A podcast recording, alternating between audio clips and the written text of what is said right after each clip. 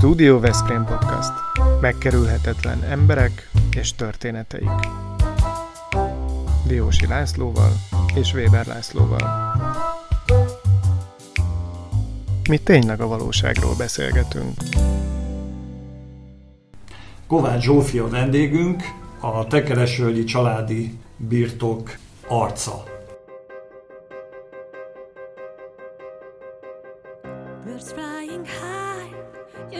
Miért mondom azt, hogy arca szerinted Zsófi? Hát sziasztok, én is köszöntelek benneteket. Az arca az azért is, ugye az autón szereplek. Na igen, mindenki lát téged Veszprémben évek van. óta. Így van, így van. Egy teljes egész évben arckép hirdeti a Tekeresvölgyi családi birtokot a részemről az autóm, és hát több helyen is, hogyha valami megjelenés van, akkor mindig én vagyok beledobva a vízbe. Hát én nagyon régóta ismerlek téged, édesapád nagyon jó barátom, és emlékszem rá, hogy a, amikor mentetek a sajtot árusítani a piacra, kislányként, akkor mindig nagyon lelkesen végezted ezt a tevékenységet, aztán láttam a, az arcodat a kocsin, utána a vendégeket vittem Nemesvámosra, ugye Veszprémtől nem messze Nemesvámoson található ez a családi birtok, a sajt manufaktúra, és akkor mindenki teljesen el volt alélva, mert egy olyan hihetetlenül szakmai előadást tartottál a sajtokról, hogy mindenki csak nézett, és akkor esett le nekem is, hogy itt van valaki, aki, aki ebben olyan rettenetesen, hihetetlen mértékben elmélyedt, hogy érdemes odafigyelni rá. Ez a sajtkészítés ez nagyon speciális dolog. Ugye hogyan csöppentél végül is bele? Hát nagyon szépen köszönöm a bókokat először is. A sajtkészítésben teljesen ugye a szüleimen keresztül csöppentem bele. Ők 2008-ban kezdtek el foglalkozni a sajtkészítéssel.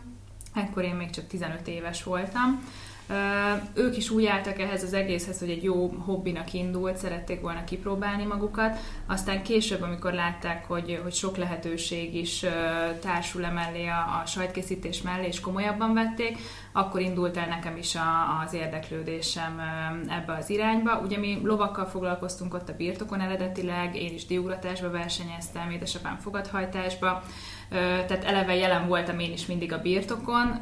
Az nálunk a családban szokás volt gyakorlatilag, hogy, hogy mindenki fiatalon kezdi a munkát, vagy legalábbis, hogy a munkával egy kicsit megismerkedjem. Ez főként édesapám tartotta egy jó vonalnak, és hát mindig hálás leszek neki ezért, mert lehet, hogy akkor kicsit húztam a számat közbe, hogy, hogy ezt meg azt a feladatot meg kellett csinálni. 12 évesen volt az első ilyen feladatom, amikor kerítésfestéssel kezdtem, ez ilyen szállóige is a családba, hogy nem is sikerült teljesen egyedül befejeznem, de, de az már egy jó, jó alap volt ennek az egész munka iránti érdeklődésnek, hogy, hogy tényleg az ember egy kicsit máshogy tekintsen rá, és megbecsülje a jövőben valamint sose volt ez nálunk olyan dolog, hogy, hogy csak erőltetve volt, hanem mindig volt valami díjazása is, tehát már az első munkámmal is pénzt tudtam keresni, úgyhogy motiválva is voltam. Ebből adódóan aztán szívesen tekintettem a sajtkészítésre is úgy, mint egy lehetőségre, hogy meg is ismerkedjek ezzel, és mint egy jövendőbeli munkával is akár. Akkor még 15 évesen nem tudtam, hogy, hogy nekem mondjuk milyen szerepem lesz ebbe a családi manufaktúrába később. Nem tudtam teljesen felmérni azt, hogy mondjuk ez hány ember tud eltartani, csak egy családot, mondjuk a szüleimet, vagy később én is be tudok ebbe kapcsolódni, hány alkalmazottat. Abban az időben még nem is foglalkoztatott konkrétan ez a kérdés, de az egyetemi éveim alatt már úgy voltam vele, hogy, hogy ha ebben nekem van helyem, akkor, akkor nagyon szívesen csinálom. De nem élelmiszeripari mérnök vagy, hanem... Nem, szőlészborász mérnök. Szőlészborász. Így van. Ami azért nem, nem, nem olyan e, egyszerűen kapcsolható a sajtkészítéshez, bár vannak azonosságok. Így van, nem, nem teljesen ugyanaz, de nagyon sok alapja van, tehát ott a szőlészborászmérnöki képzésen is rengeteg alaptantárgy van, amit ugye nem hiába neveznek így, élelmiszerkémia, mikrobiológia, bármi ilyesmi, ami ehhez kapcsolódó reál dolog, az, az teljesen alapját képezi a sajtkészítésnek is. És te tudtál olyasmit mondani, mikor tanultad ezt az édesapádéknak, ami nekik is újdonság volt, vagy különleges volt a sajtkészítésbe, vagy tudtál valamilyen tippet adni, hogy hogyan tovább? Így most konkrétumokra nem emlékszem, de szerintem nagyon-nagyon sokat, és ehhez az is nagyon fontos, hogy ők is nagyon befogadók az én ötleteimmel kapcsolatban. Tehát, hogyha valami családi beszélgetés van így a sajtkészítésről, vagy nem is csak konkrétan itt most a sajtkészítés folyamatáról, hanem a vállalkozással kapcsolatban, hogy milyen irányba menjünk, legyen-e valami új termék, elmenjünk-e ide-oda, arra rendezni, hogy érdemes ebbe az irányba nyitni,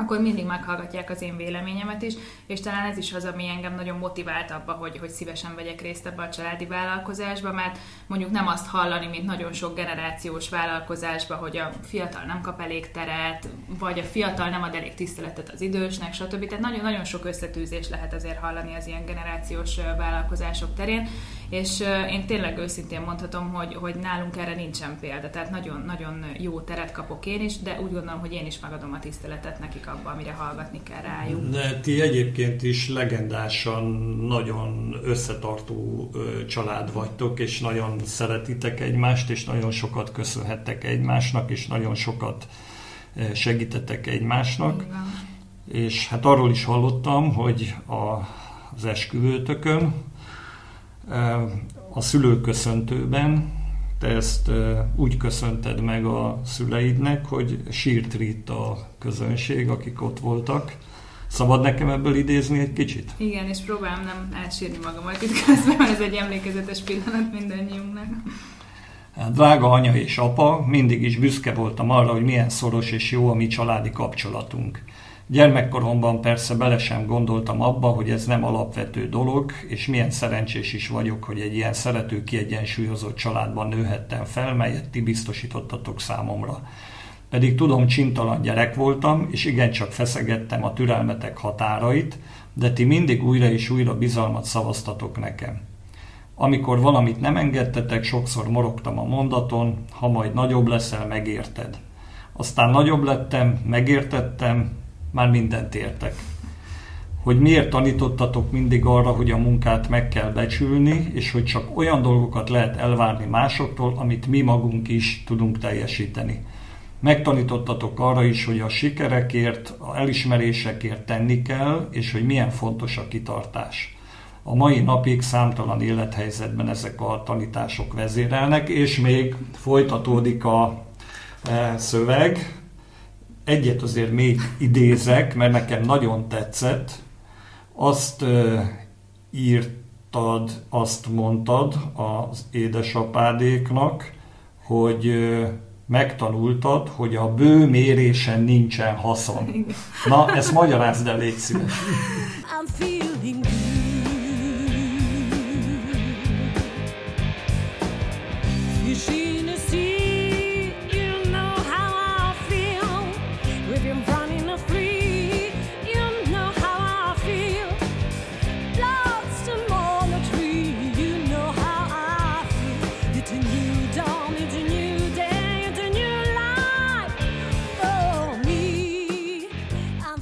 Érzelmes, ez a viccesebb fordulat a, a szülőköszöntőnek.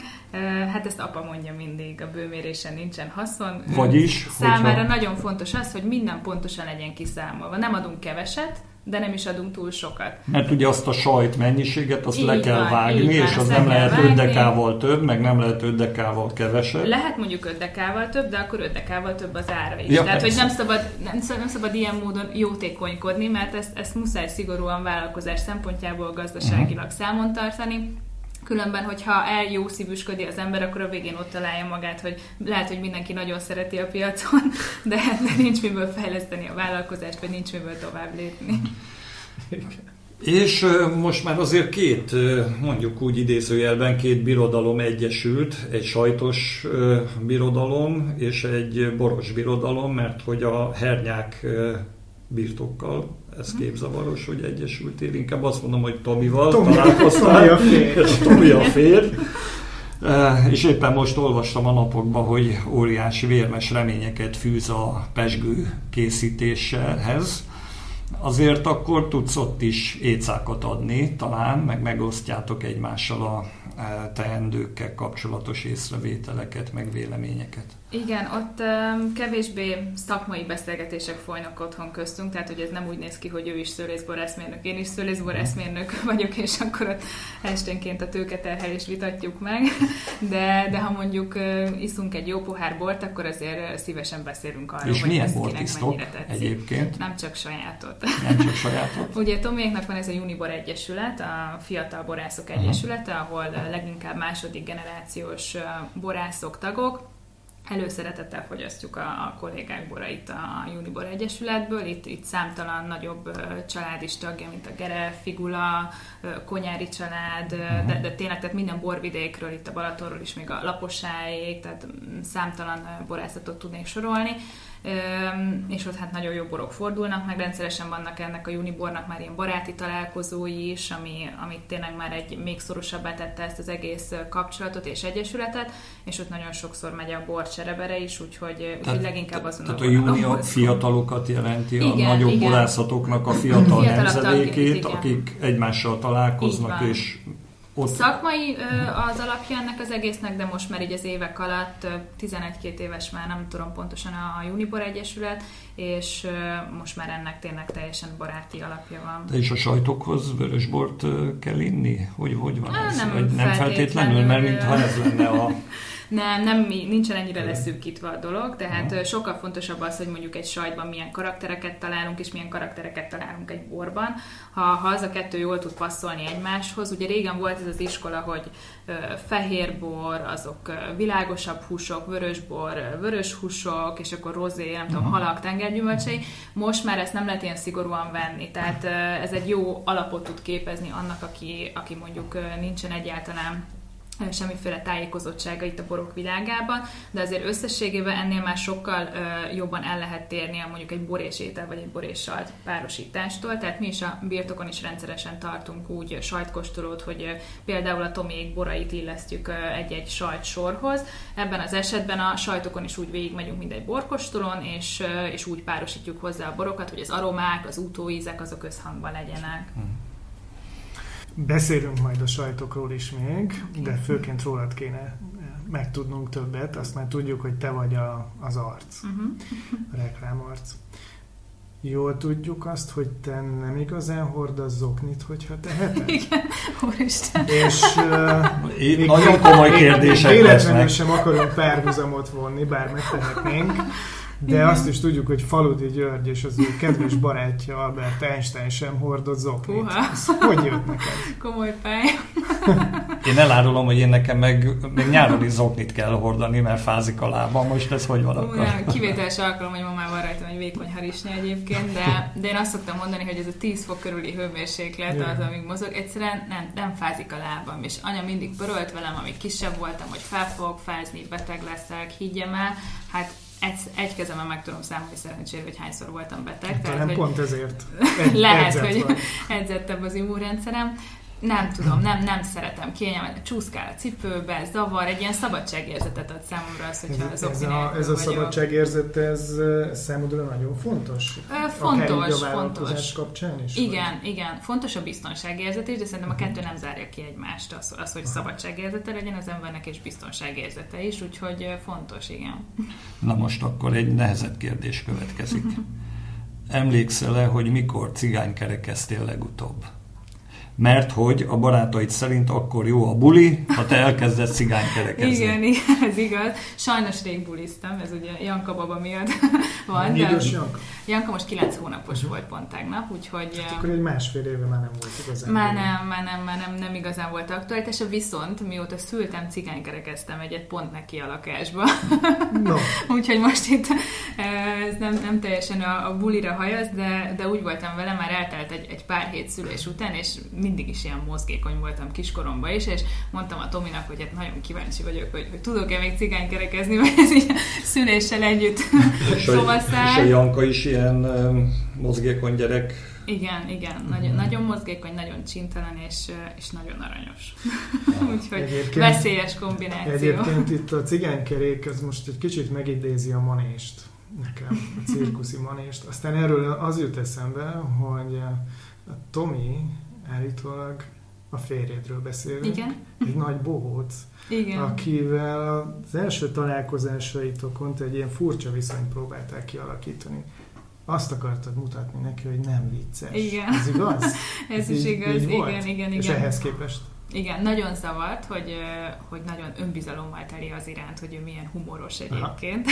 Vagy legalábbis én így, így ismertem fel az első pár találkozásban, és nyilván ez nekem nagyon szimpatikus volt, de, de örültem volna, hogyha ő nem szerez tudomást erről egyből, mert, mert biztos voltam benne, hogy mindenki ezzel kezdi nála, hogy hú, de jó vicces, milyen jó viccei vannak, nagyon humoros. Úgyhogy még mondtam is neki egyszer, hogy egyáltalán nem vicces, csak úgy szólok. Próbáltam kihangsúlyozni, de aztán ezt, ezt hamar elengedtük ezt a kérdést. De nem csak vicces, hanem romantikus is. Igen, romantikus is. You know what I mean that you know Butterflies are having fun That's what I mean Sleep in peace until this day is done That's what I mean And this old world and a new world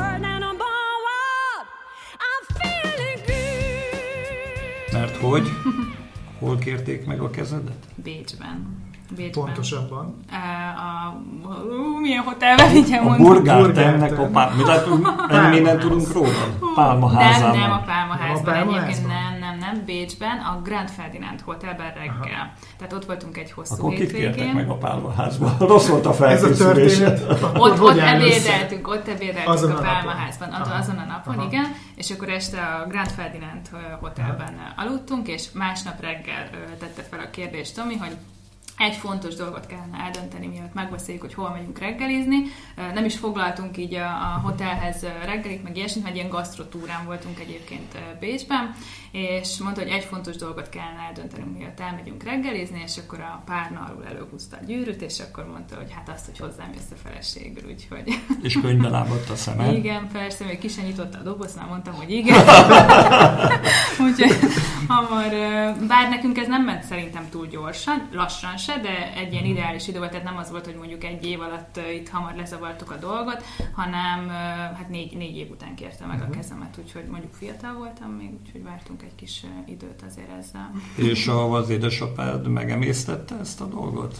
A Igen, hát, kislány. Ennek, ennek volt egy érdekes története, szintén erről nem tudom, hogy van-e információtok, de akkor, akkor ezt hozzáadom. Hát apa az mindig is, főleg ti, akik barátok vagytok, tudjátok, hogy ő azért így mindig nagyon dédelgetett engem. Annak ellenére, hogy kaptam az edzést is nyilván itt az élettel kapcsolatban, de azért mindig kicsi lányaként kezelt, és ő azért biztos, hogy nagyon, nagyon félt attól, vagy nem is azt mondom, hogy fél, de úgy érdekesnek találta azt a dolgot, ha majd én egyszer már, már elkelek és férhez megyek, és mint utólag megtudtam, hogy volt egy furcsa esemény pár héttel azelőtt, hogy, hogy megtörtént a lánykérés, otthon voltunk, és Tomi kint volt ö, előző hónapban, egy tanulmányi úton a Pesgővel kapcsolatban, és egyébként is hozott több champagne, de, de hozott egyet anyáiknak, amit mondták, hogy majd egy alkalomkor, egy jelesebb alkalomkor megkóstolunk. Ott volt nálunk Tomi, vacsoráztunk, majd utána kimentek apával a teraszra, én anyával ott beszélgettem, semmi feltűnő nem volt a dologba. Majd bejöttek, apa lefeküdt a kanapére, egy kicsit elszundított, eltett már egy óra azóta, hogy kint voltak a teraszon, majd egyszer csak felriadt, és mondta apa, hogy na megbontjuk azt a sempányt, amit a Tomi hozott kintről Franciaországba, és azt mondja Tomi, hogy hát meg, így mesélte utólag, hogy hú, apa biztos félreértette, azt hitte, hogy aznap este akarja megkérni a kezemet, mondja, hú, baj lesz, nem lesz jó a dolog, és akkor a Tomi elment, kibontotta a pesgőt, kitöltötte apának, apa meghívott egy két decit húzóra, és visszafeküdt aludni. és ennek utólag az volt a története, hogy hát ők ott a teraszon megbeszélték, hogy hát a Tomi szeretné megkérni a kezemet, hogy lehet erre alkalom, majd Bécsben egy pár Aha. hét múlva, és apa mondta, hogy hát igen, nagyon szívesen odaadja a lánya kezét, stb. Aztán utólag így kiderül, mégiscsak egy kicsit sokkolta a dolog, hogy felriadva igen számából kocintott magával, és vissza is aludt. Azért ez egy kicsit traumatikus esemény lehetett neki, mind a mellett, hogy örült nagyon. Zsófi, beszélj nekünk egy kicsit arról, hogy hogyan lettél te amigo. Amigo, igen. Hát Sára barátnőm, Fábián Sára, az Amigos a Gyerekekért Alapítvány alapítója egyébként, egy személyben, és tizen voltunk barátok, akik ebbe az alapításba részt vettünk gyakorlatilag így az ő ötletétől vezérelve, ez az Amigos a Gyerekekért Egyesület, ez gyakorlatilag beteg gyerekekhez jár kórházba, és próbálja szebbé tenni az ő mindennapjaikat. Ezek tartósan beteg gyerekek, tehát sokszor valamilyen rákos betegséggel küzdők, de vannak olyanok is köztük, akik szerencsére csak egy jóval kisebb betegségen esnek át, mondjuk csak egy gastroenterológiai osztályon vannak bent és elkezdtünk járni a Tűzoltó utcai gyermekklinikára. Sárának ez régóta terve volt, hogy, hogy valamilyen formában ö, ö, részt vegyen ö, mm, így ezeknek a gyerekeknek az életében, vagy hogy segítse az ott bent töltött időszakukat. Ez és egyetemista korodban? Igen, igen, ez egyetem első, kezdődik, első ugye? évében, uh-huh. igen, így van, amikor felköltöztünk Budapestre. Sárával egyébként mi ö, osztálytársak voltunk itt Veszprémbe a Betési Albert uh-huh. gimnáziumba, onnan lettünk jó barátnők, és ez heti három-négy alkalmat takart így az elején. Az elején úgy gondoltuk, hogy játékkal kezdődjön a dolog, majd az első pár hónap után már szintén Sára ennek a fantasztikus megálmodója, aki mindig viszi a vállán tovább ezt az egészet, mondta, hogy mi lenne, ha tanulnánk velük, egy kicsit azt segítenénk, hogy ők kimaradnak az iskolából, és, és segítsünk nekik abban, hogy, hogy fel tudjanak zárkózni.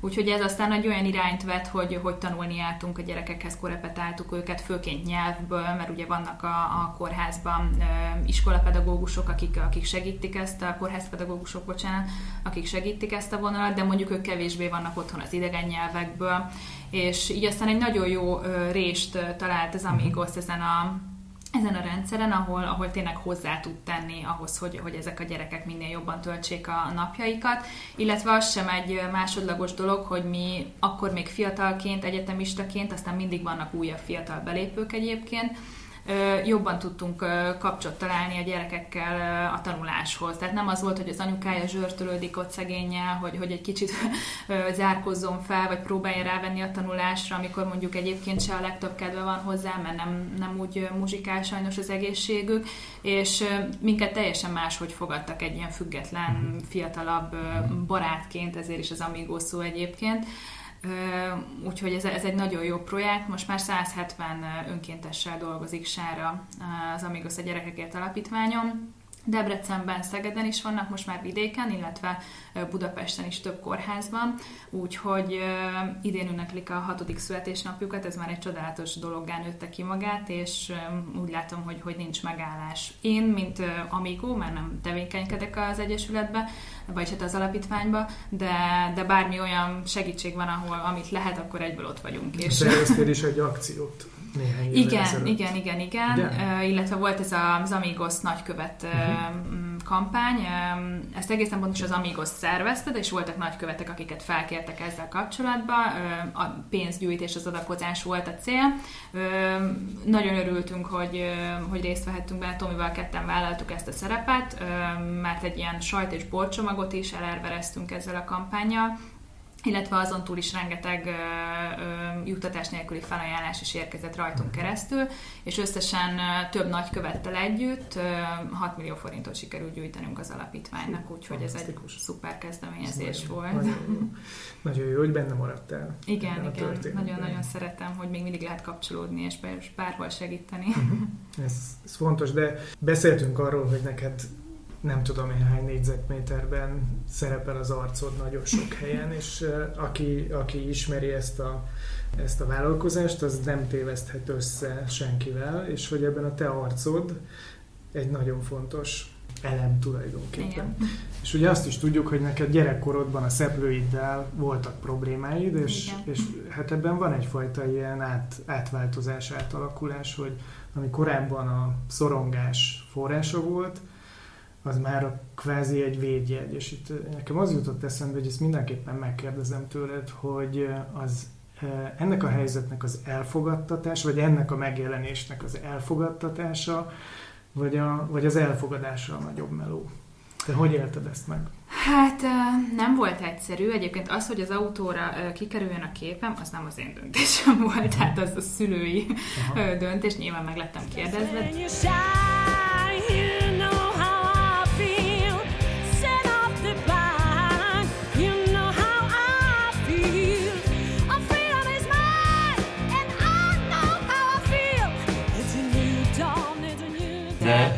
Kell mondanom, hogy ez egy zseniális döntés Igen, volt, igen. mert a, erről aztán mindenki megismerte a tekeres völgyi manufaktúrát. Ez biztos. Most nekünk ezért kellene, hogy szponzori pénzt fizessen, ugye a manufaktúra, jó, hogy eszembe Itt jut. van az asztalon az a sok sajt. Jó, rendben van. Oké, okay. na folytassuk. Igen. Úgyhogy, úgyhogy ez nem az én ötletem volt, de egyébként pont ez a része, hogy, hogy kikerült ez a kép az autóra, sőt az a része, hogy ez a kép elkészült, mert, mert ez egészen oda vezethető vissza, hogy ö, mi kitelepültünk ugye akkor már második év a Rosé Riesling és Jazz napokra ide Veszprémbe, a Veszprém Fest kísérő rendezvényeként, amikor Mészáros Csaba fotós egyébként, aki készítette ezt a képet, teljesen spontán pillanatban kiszolgáltunk, és csak oda szólt nekem, hogy megtartom ezt a sajtot. Tehát ez egy ilyen két másodperces mozzanat az, hogy ez, ez ilyen jól sikerült. És utána Mészáros Zoli felesége Tüccel hívta anyát, hogy, hogy hát tudja, hogy a, a Veszprém Fest fotópályázatra nagyon sok kép érkezett, és hogy többek között rólam is készült egy tök jó kép, és hogy ő megkérdezi, hogy átküldheti-e. És akkor így került hozzánk egyébként ez a kép, nagyon meg is örültem neki, nem foglalkoztunk ezzel különösebben, eltelt egy pár hét, majd mm, Csaba, aki készítette a fotót, Mészáros Csaba megkeresett, hogy, hogy ő szeretné a sajtófotópályázatra ezt a, ezt a fotót nevezni. Kicsit váratlanul ért a dolog, de, de gondoltam, hogy, hogy miért ne, hogy, hogy beleegyezem el. És aztán az a, az, a, az a évi sajtófotópályázatnál ez a, ez a portré egyébként egyedi kategóriában ez, ez nyert is úgyhogy együtt voltunk a, a díjátadom, és, és itt innen indult ennek a, a képnek a, a karrierje egy idézőjelben. És utána jutottunk oda, hogy hát akkor ezt mi is használnánk, hogy ha, ha más körben is ekkora sikere volt, akkor ez valószínűleg ránk is pozitív hatással lesz, és aztán úgy került ez közös megegyezés által a, a manufaktúra marketing céljaira felhasználva, és így kerültem az autóra. És ez a kép, meg az, hogy én az autón vagyok, ez nagyon sokat segített nekem abba egyébként, tehát még, még az se volt egy egyszerű időszak, akkor szerintem ilyen 17-18 éves voltam, akkor már azért nem kaptam negatívumokat így a szeplővel kapcsolatban. Tehát nekem a kemény sztori az, az általános iskolában volt. Tehát szerintem ott vannak a gyerekek is abban a korban, amikor így nehezebb még ez az elfogadás része, meg ez a tinédzser lelkület, tehát nekem is nehezebb volt ezt az egészet így feldolgozni, és, és ez aztán egy jó megerősítés volt erre így, így egy pár évvel később, hogy, hogy tényleg ez ennyi embernek tetszik, ez, ez valószínűleg nem egy olyan rossz dolog, úgyhogy... terápiás hatása Igen, volt ennek igen, a fotónak, amiről, igen, ami van. ugye a véletlen műve. Igen, Ezért igen. is lehet azt mondani, hogy bármelyik pillanatban történhet velünk olyan, ami akár nagy dolgokat is elindíthat. Ez biztos, úgyhogy hálás vagyok egyébként ezért a fotóért, Mhm. mert, mert összességében ez nagyon sokat segített. Uh-huh. És minden szempontból teri találat. Azt, ez, most már akkor így bezárul a kör, Igen, emberileg igen. is és szakmailag is ez egy Igen. abszolút jó, jó döntés volt. Abszolút. Ö, Visszaértünk egy kicsit a sajtok Mhm. környékére.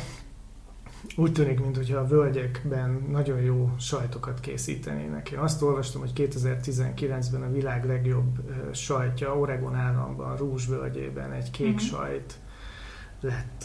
Ugye ott is egy völgy van, itt is Igen. egy völgy van. Ti hol tartotok e- e- ezen az úton? Vannak olyan gazdaságok, ahol több száz évnyi hagyomány, tudás halmozódott föl. Ti itt néhány évtizedről beszéltek egyelőre. Ezen az úton ti hol tartotok? Te hogy látod, hogy a nagy-nagy sajtokhoz képest a ti utatok Hát, most hol? Egyrészt nagyon messze, másrészt szerintem magyar viszonylatban jó helyen vagyunk. Uh-huh. Tehát, hogyha a többi nemzetnek a sajtkultúráját nézem, hogy tényleg hány száz éves tradíciók vannak előttük, akkor, akkor úgy érzem, hogy, hogy nagyon sok mindennel vagyunk elmaradva, de inkább, inkább az ebben a kicsit ilyen irigylésre méltó, hogy, hogy ők ezt így magukba szívták a, az évtizedek, évszázadok alatt, nekünk pedig rengeteg energiát kell most abba beletenni, hogy, hogy ezt behozzuk, és, és valamilyen formában utolérjük őket. Ugye Magyarországon ilyen formában a manufakturális sajtkészítésnek nincsen tradíciója, tehát nyilván van a túrókészítésnek, vagy, a, vagy a, az állattartásnak, mezőgazdaságnak, de, de ilyen formában kicsi családi vállalkozások, sajtműhelyek nem alakultak ki, vagy éppen nem maradtak fent, ugye csak az ipari vonal, Úgyhogy nekünk nagyon messziről kellett indulni, és úgy látom, hogy, hogy most már nagyon sok manufaktúra működik egyébként Magyarországon. Most is van egy olyan vonal, ami, ami szerintem tehát, hogyha a manufaktúrális sajtkészítést nézzük, akkor ez leginkább két felé ágazik. Mindegy, hogy most milyen állattejéről beszélünk, egy kecskéről, egy tehénről, vagy éppen jutájról. Vannak azok, akik inkább a friss termékeket részesítik előnyben, friss sajtokat, és vannak azok, akik inkább az érlelt sajtok vonalán mozognak, ami egy, egy olasz, egy francia, vagy éppen egy, egy svájci példa. Mi ezen a vonalon mozgunk inkább, tehát nálunk is el lehet érni a, a friss termékeket, egy jogkurtot, egy túrót, egy nagyon finom vajat, de a fő csapásvonalunk, a, a manufaktúra zászlós termékei, azok a hosszú érlelésű pincében érlelt karakteres sajtok. Ezek azok, amik, amik én úgy gondolom, hogy igazán megmutatják azt, hogy, hogy egy sajtkészítő mennyire van képben, mennyire képzett ebben a dologban, mert egy érlelt sajtnál tud kijönni a legtöbb sajthiba, ami megmutatkozhat akár higiéniai hiányosságból, technológiai hiányosságból, vagy bármilyen olyan hiányosságból, amit, amit nem sikerült még elsajátítani az évek alatt, így szerintem azok, akik igazán szeretnének a sajtkészítésbe belelendülni, és nem azt mondom, hogy a friss sajtkészítés az nem, nem munka, mert nagyon sok munka van bele, vagy a friss termékkészítés, a másik vonal, csak akik szeretnének minél mélyebbre ásni itt a manufaktúrális sajtkészítésben, azok úgy gondolom, hogy mindig a, az érlelt ö, típusú sajtok készítését választják, mert abban van a legtöbb kihívás. És ez a körülbelül 10 liter tejet uh-huh. állítotok elő? Igen. Nagyjából egy 50-60 szarvasmarhával. Így van. 50... Az méretben körülbelül mit kóstál így a manufaktúrák között? Szóval ez egy, uh-huh. egy szombasabb? Igen, igen, ez egy nagyobb vonal. Tehát, hogy ez, a, ez az 50 fős most az állomány, ez azért kerekítünk mindig, mert van, hogy születik, van, hogy eladunk belőle, vagy éppen vágunk belőle úgyhogy ez az 50 fős állomány, ez, ez egy ilyen átlagállomány, és ez a havi 10 liter te is úgy van, hogy van, hogy csak 9, de van, hogy 13 ezer liter egy hónapban. Ez ugye attól függ, hogy a tehenek milyen időszakban, milyen periódusban vannak, ugye van a laktációs időszak, és ha éppen feljük őket, akkor van, hogy több tejünk van, ha valamelyik éppen kiállt ebből a, a csoportból, akkor, akkor kevesebb tejünk. Ez a létszám, ez, vagy ez a méret, ez a manufaktúrális sajtkészítésnek a, tetején mozog, uh-huh. a, ami nekünk van. Nem idegen tőled, hiszen Tomi, Tomi gazdasága bio felé indult el, meg mindenféle ökológikus megközelítésben készülnek ott a pesgők és a borok, és a szarvasmarha tartásról, akár a hús előállításról, akár a tejtermékekről van szó, azt lehet hallani, ez a zöld gondolat jegyében, hogy eh, hát itt eh, komoly környezeti terhelést jelent a szarvasmarha, az üvegházhatás eh, Igen. szempontjából, metánból nagyon sok származik általuk. Létezik olyan megközelítés a manufaktúrák szintjén, ami ezt az ökológikus megközelítést képviseli, vagy, vagy ez... Ezzel nem lehet mit kezdeni. Vagy ezzel nem tudunk mit kezdeni, ez egy olyan tényező, amit el kell fogadni. Hát maga a metán kibocsátás az, az van, az, az van. Lesz. tehát hogy az, azzal nem tudunk mit csinálni, nem tudjuk megváltoztatni az állatoknak az anyagcseréjét gyakorlatilag.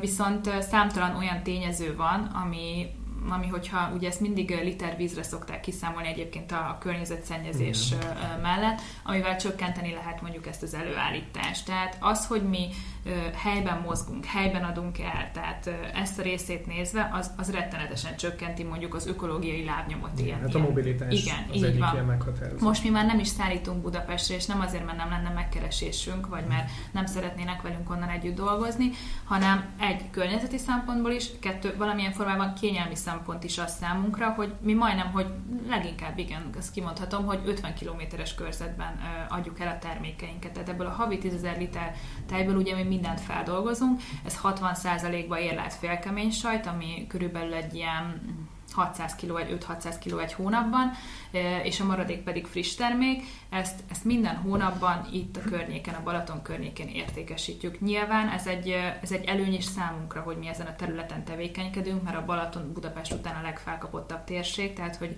mindenki itt tölti a szabad idejét, aki nem szeretne külföldre menni de, de úgy gondolom, hogy, hogy ez attól függetlenül ez a saját sikerünk is valamilyen formában, hogy, hogy vannak olyan jók a termékeink, és van olyan kereslet a termékeinkre, hogy itt a környékben el tudjuk őket adni. Tehát ez például egy fontos szempont szerintem, hogy nem autókázunk annyit, nem megyünk messzire, a helyiek tudják megvásárolni a termékünket, vagy akik itt nyaralnak, itt pihennek a környéken, illetve mi is próbálunk számtalan olyan dologgal tenni, amit, amit egyébként is próbálnak a vállalkozások itt már átalakítani, papírtáska, vagy éppen papírcsomagolóanyag, komposztálható táska, stb. Tehát, hogy próbálunk mi is ezzel lépést tartani. Azt mindig elmondom, hogy az nekünk egy nagy szívfájdalmunk, hogy egyébként nagyon kevés alternatív csomagolóanyag van a, a sajtkészítésben, vagy, vagy éppen az élelmiszeriparban.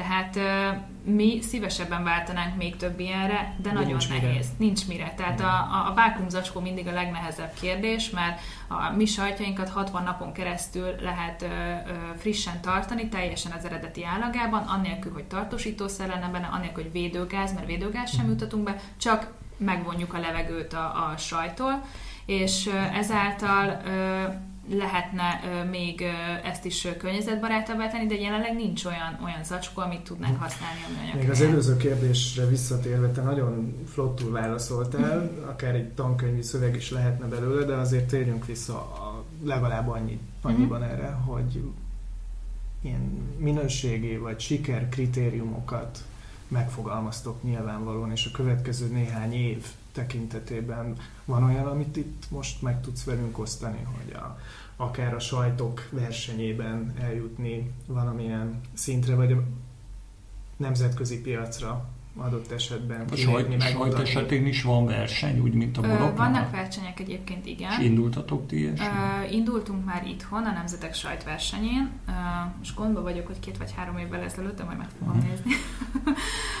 Tehát indultunk a Nemzetek Sajtversenyén, és ott a matuzsálem típusú sajtunkat közönség díj első helyezettje lett, a szakmai díjban pedig második helyezést ért el, ami egy nagyon jó visszaigazolás volt nekünk. Egyébként ez volt az első versenyünk, és azóta sem indítottunk, de nem azért, mert hogy bármiféle oka lenne ennek, egyszerűen annyira be tudja darálni a hétköznap az embereket ebből a szempontból, hogy mondjuk nem, nem azzal foglalkozunk elsősorban, hogy hol minősítjük a, a termékeinket, hanem, hanem a legnagyobb visszaigazolás az úgyis mindig a vásárlótól érkezik, igen. igen. igen. És ezzel ugye általában meg szoktunk elégedni, de hogyha lenne valamilyen jó felhívás, tehát szoktak egyébként nemzetközi sajtversenyeket is hirdetni, ha, ha éppen én egy kicsit több energiát fektetek ebbe, hogy ezeknek utána nézzek, akkor, akkor, akkor szívesen fogunk csatlakozni, tehát biztos, hogy a, ha jövőben is van ilyen tervünk, ki szoktunk nevezni egy-egy ilyen sajtot, amikor szívesen kóstoljuk, hogy, hogy ezt, ezt kellene beküldeni, illetve leginkább a birtokon szeretnénk fejlesztéseket létrehozni, tehát most egy nagy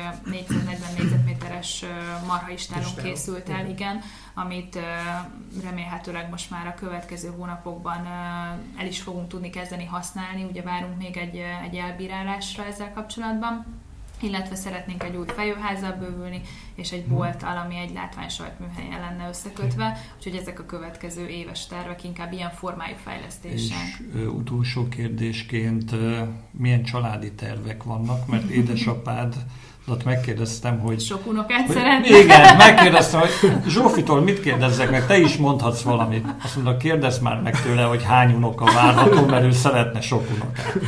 Hát azért ne felejtsük el, hogy van egy öcsém is, tehát hogy őt se hagyjuk ki a, a családi vállalkozásból. Nyilván azért esik róla kevesebb szó, mert ő még csak 12 éves, tehát azért már aktív tagja egyébként a, a vállalkozásnak, leginkább madártejet és kekszeket árul a piacon zseppénzként, úgyhogy aktívan részt vesz már ő is a, a munka és a pénzkereset kialakításában, így saját magának de összességében így a családra visszatérve, hát azért remélem, hogy majd még ő is hoz egy jó pár unokát a családban, nem csak rám hárul ez a...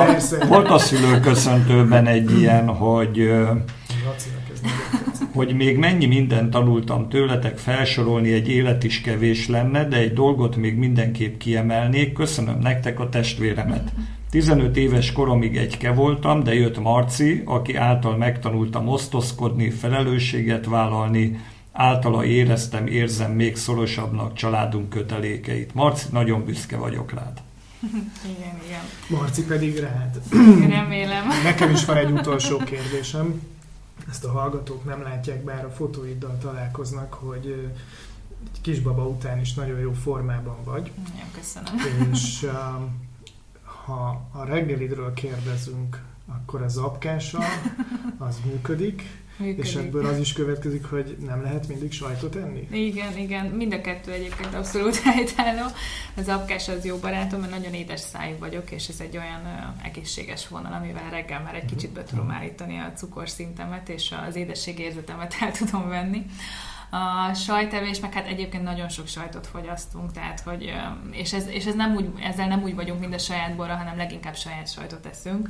Én nagyon szeretem egyébként a kecske sajtot is, tehát azt van, hogy így vadászok más termelőktől is, akár egy kecske krém sajtot, a sajtot is nagyon szeretem, tehát ezeket a karakteresebb ízeket a sajátaink mellett még, még szoktam keresni, és hogyha van lehetőség, akkor vásárolunk termelőtől, de hát azért ilyen nem lehet sajtot enni.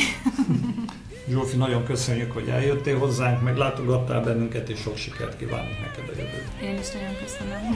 Köszönöm.